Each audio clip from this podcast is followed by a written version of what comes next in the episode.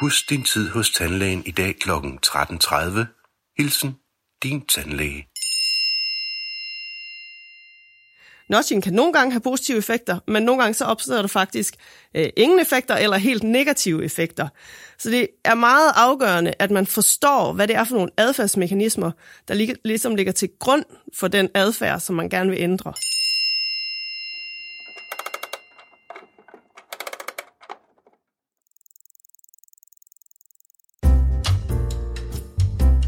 Du lytter til det videnskabelige kvarter.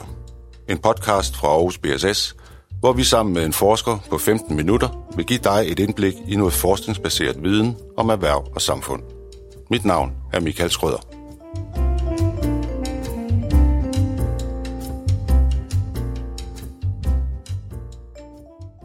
Obama har gjort det, og David Cameron har gjort det.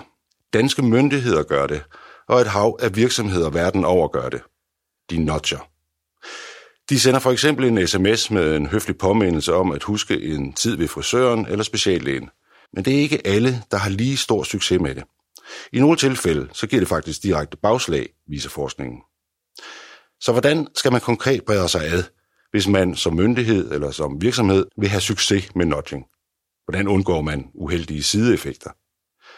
De spørgsmål får vi svar på i denne udgave af Det videnskabelige kvarter, hvor jeg har besøg af Mette Trier Damgaard, adjunkt på Institut for Økonomi her på Aarhus BSS.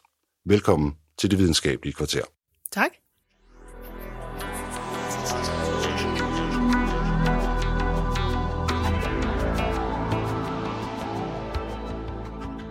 Og tillykke med Titgenprisen 2018. Den pris, den fik du jo netop øh, på grund af dit arbejde med nudging. Priskomiteen sagde, at din øh, kritiske tilgang til brugen af nudging er nødvendig for den fremtidige udvikling af begrebet og at du bidrager med øget klarhed, som har stor relevans for både offentlige og private organisationer. De mest nyttige pointer har du lovet at dele med os her. Men først så skal du lige give os øh, noget øget klarhed over, hvad nudging egentlig er. Hvordan øh, forstår I forskere det? Den måde, øh, nudging oprindeligt er defineret, det er, at øh, det er en ændring af et beslutningsmiljø, som øh, påvirker vores adfærd i en eller anden forudsigelig retning øh, uden at det ændrer ved de økonomiske incitamenter, og uden at det begrænser vores valgmuligheder.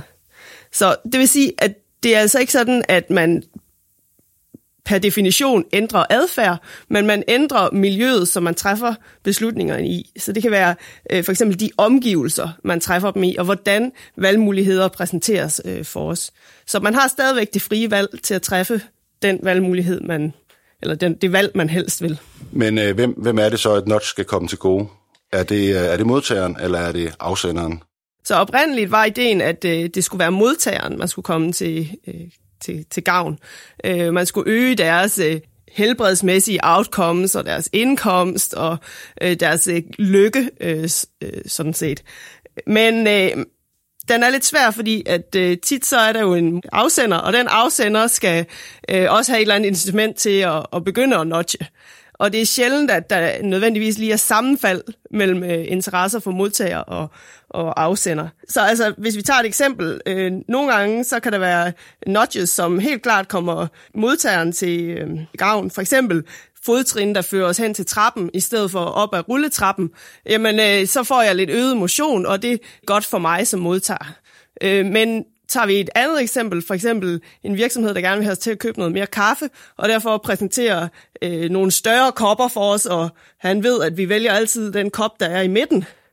Jamen, øh, øh det er måske ikke nødvendigvis til gavn for modtageren af, af det notch. Nu er notching jo et relativt nyt begreb. Det er udsprunget af den såkaldte adfærdsøkonomi, som jo øh, er, er en, sådan en blanding af psykologi og økonomi, øh, og det blev defineret i 2008. Men, men hvordan blev det egentlig modtaget blandt økonomer? Altså adfærdsøkonomi blev modtaget med stor skepsis. Man troede ikke på, at de der psykologiske faktorer overhovedet øh, betød noget. Men da notching så kommer på banen, der har vi efterhånden øh, accepteret, at øh, adfærdsøkonomi øh, spiller en rolle. Hvornår slog notching så for alvor igennem? Det var omkring år 2008. Uh, Richard Thaler, som er Nobelprisvindende økonom fra University of Chicago, og som sammen med øh, uh, Cass Sunstein har skrevet bogen Notch, uh, som definerer notching-begrebet og ligesom uh, introducerer det. Men der er også nogle praktikere, der, der så har kastet sig over det her senere.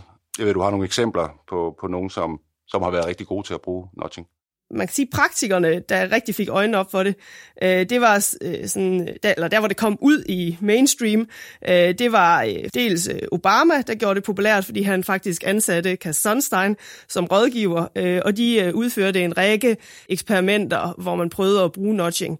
Øh, for eksempel øh, så øh, viste det sig i USA, at dem, der bliver optaget og får en plads på øh, højere øh, læreanstalter, de øh, formår ikke rigtig at komme til det punkt, hvor de rent faktisk øh, får til endebragt indskrivningen. Så de kommer aldrig i gang.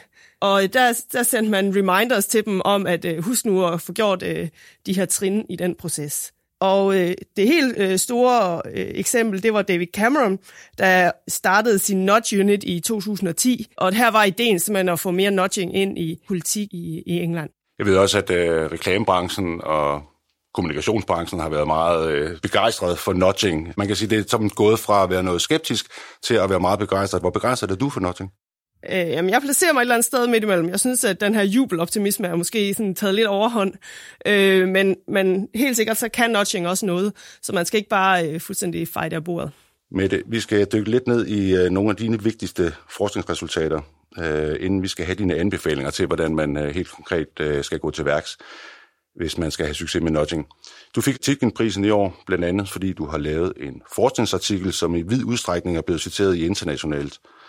Øh, den handler om et eksperiment, du har lavet i samarbejde med Folkekirkens Nødhjælp, og her viste det sig, at Folkekirkens Nødhjælp godt kunne nudge sig til nogle flere donationer ved at sende e-mails ud. Men at de samtidig fik en, øh, en hel del af deres støttepersoner til at vende dem ryggen, og altså ændre adfærd i en retning, som ikke var tiltænkt. Hvad var det, der skete? Jamen, som du siger, Folkekirkens Nødhjælp, de sendte reminder-emails ud til nogle af de personer, der havde doneret til dem øh, tidligere, øh, hvor de simpelthen bad om at få en donation. Og det havde øh, den ønskede effekt. De fik flere donationer på kort sigt. Det, der så øh, ligesom var nyt, øh, var, at vi også så, at de fremmeldte sig øh, yderligere kommunikation fra Folkekirkens Nødhjælp. Så altså, umiddelbart så fik øh, Folkekirkens Nødhjælp en økonomisk gevinst, men øh, de mistede kontakt øh, til de her donorer på længere sigt. Så der var der simpelthen nogen, der øh, meldte fra? Hvad ved I om, øh, om de her modtagers incitamenter til at handle på den ene eller på den anden måde? Så vi ved, at øh, man har en glæde ved at give. Man kan godt lide at give øh, til velgørenhed, øh, og det, det er det, der får os til at, at gøre det i, i høj grad. Men på den anden side, øh, så øh, hvis man bliver presset for meget, eller hvis man øh, bliver spammet, øh, eller man bliver, får dårlig samvittighed øh, for meget ved at blive hele tiden prikket til, øh, så kan det så øh, føre til, at man øh, vælger at tage et skridt tilbage og her øh, afmelde. Har I noget sådan overordnet resultat på, på det? Altså kan man sige noget om, om Folkekirkens Dødhjælp øh, faktisk tjente eller tabte på de her øh, e-mails? Altså det kommer lidt an på, præcis, hvordan vi antager, at tingene ville have set ud, hvis folk ikke havde øh, afmeldt sig. Øh, men generelt så kan man sige, at det, det er sådan lidt et spørgsmål om, hvordan vægter de donationer nu versus donationer i fremtiden. Fordi der er det her trade-off. Øh, øh de får nogle flere nu, men de mister i fremtiden.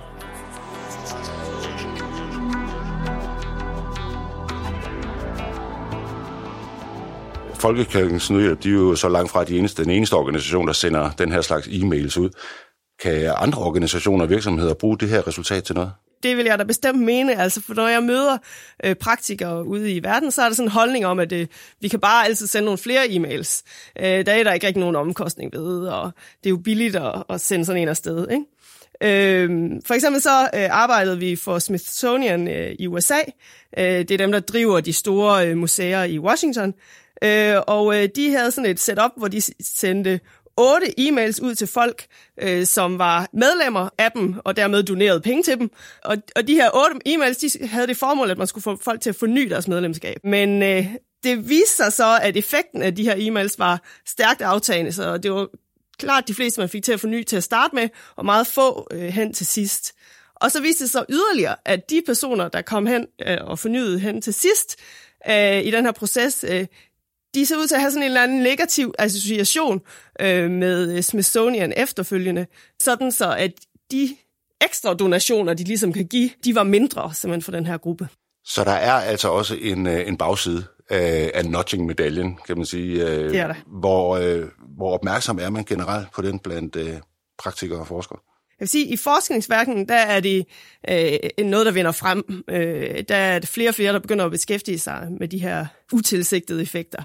Øh, blandt praktikere oplever jeg, at øh, det måske øh, stadigvæk halter en lille smule. Hvordan? Jeg tror, at man har ikke opdaget, at det rent faktisk er der, og man kører stadigvæk på den her optimisme om, at vi skal bruge notching. Nok fordi, at det har ret lave omkostninger, typisk. Så det er meget appellerende. Så man vil ikke have ødelagt sin begejstring for Nej. notching? Et andet forskningsprojekt, du har lavet, det handler om notching i forbindelse med uddannelsesvalg.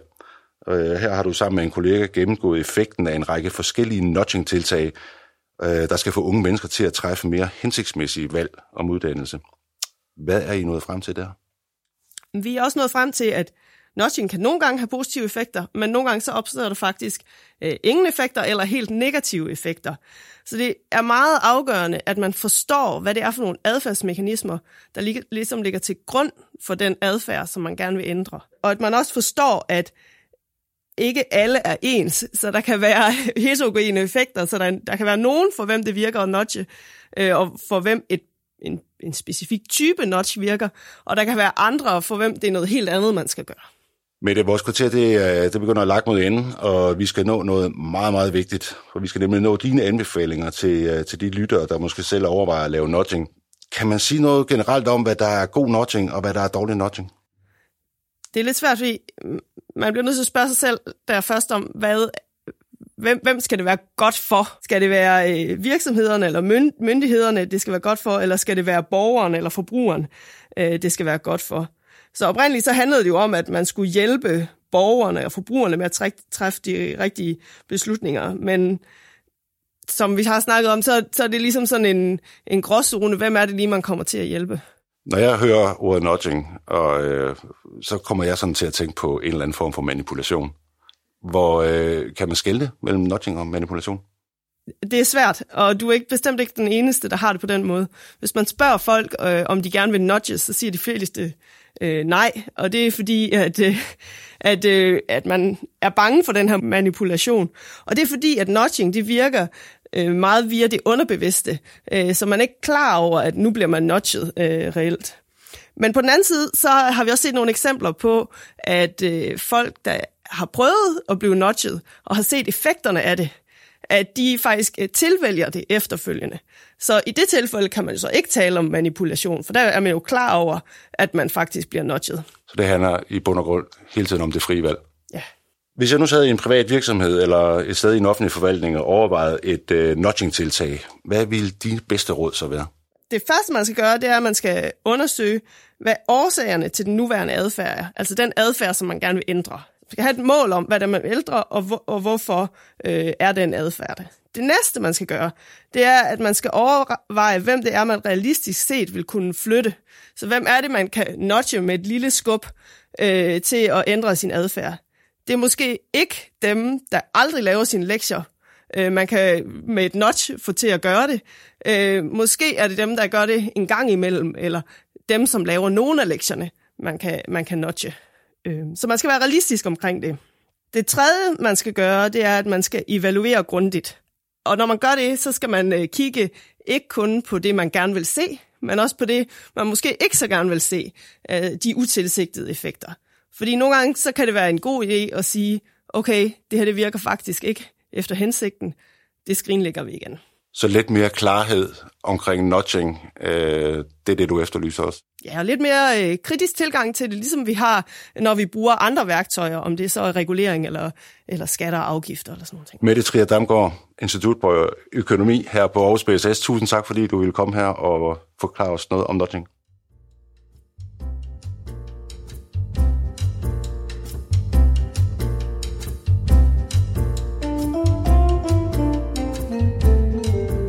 Er du interesseret i forskning om erhverv og samfund, så abonner på Det Videnskabelige Kvarter på iTunes eller der, hvor du normalt lytter til podcast. Du kan også finde os på Aarhus BSS' hjemmeside på bss.au.dk-insights. På genhør.